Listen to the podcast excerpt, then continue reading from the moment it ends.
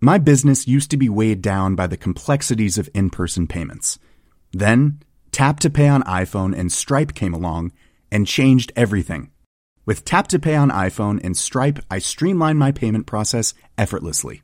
Now I can accept in person, contactless payments right from my iPhone. No extra hardware required.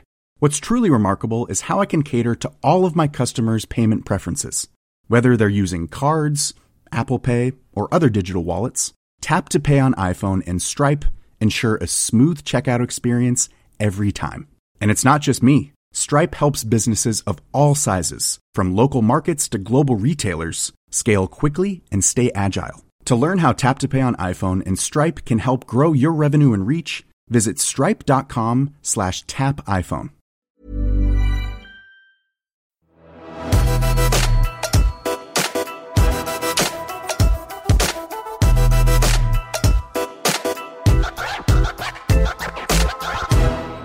Google, eller mer korrekt Alphabet, la nylig frem et helt sinnssykt resultat for årets eh, første kvartal. Omsetningen deres økte med 34% sammenligna med fjoråret, mens resultatet mer enn doblet seg. Tallene er faktisk så store at de rett og slett er vanskelige å forholde seg til.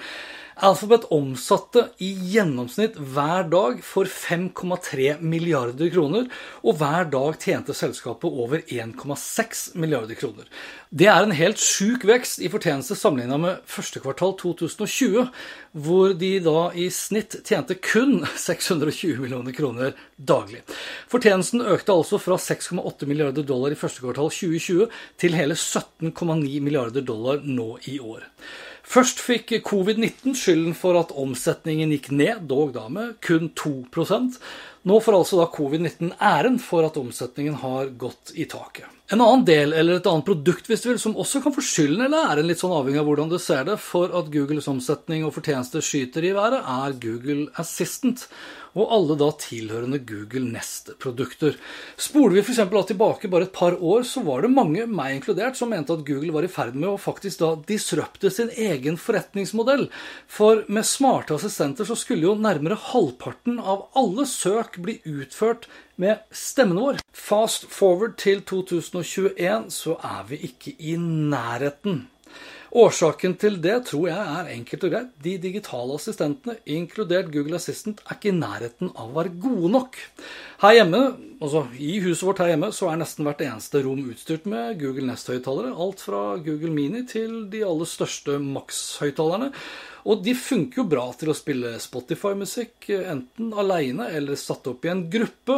Og de fungerer også bra til å kringkaste til kids at 'nå er det mat, kom ned på kjøkkenet'. Og de gjør det også enkelt for meg å huske på f.eks. å ta ut pizzaen av ovnen i tide.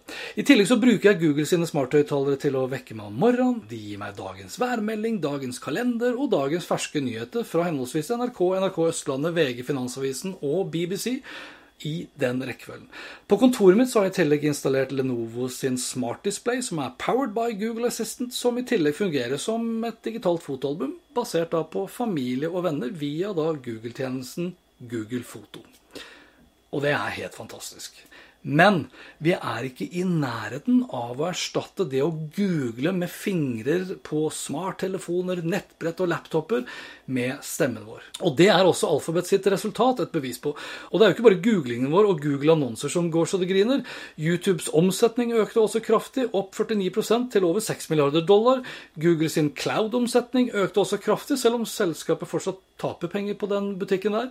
4 milliarder dollar i omsetning, men 1 milliard dollar i tap. Selv om da tapet blir mindre. Da hjelper det jo selvfølgelig også at de dro inn 6,5 milliarder dollar på andre ting, som Google Play, YouTube Premium, Google Nest-høyttalere, Google Wifi, Pixel-telefoner og diverse andre hardware-produkter. Og på toppen av det så omsatte de også da for nesten 20 milliarder i tjenester. Og det opp da nesten 70% sammenligna med fjoråret. Så da er det jo kanskje like greit da at Google Assistent suger. For det lønner seg big time. I alle fall for Google. Eller da alfabet, da.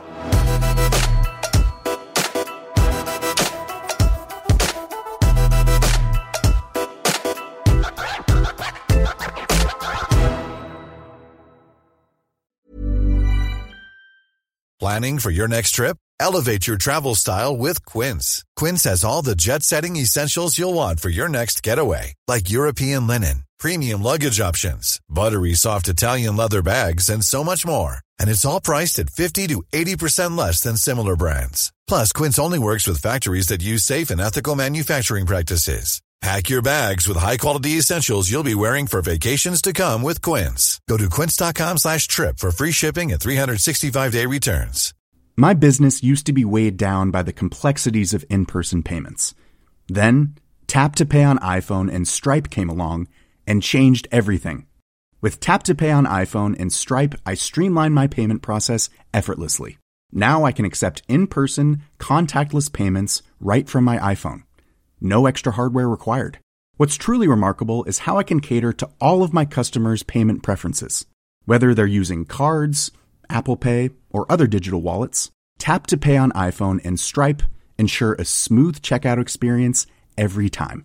And it's not just me. Stripe helps businesses of all sizes, from local markets to global retailers, scale quickly and stay agile. To learn how Tap to Pay on iPhone and Stripe can help grow your revenue and reach, visit stripe.com slash tap iPhone.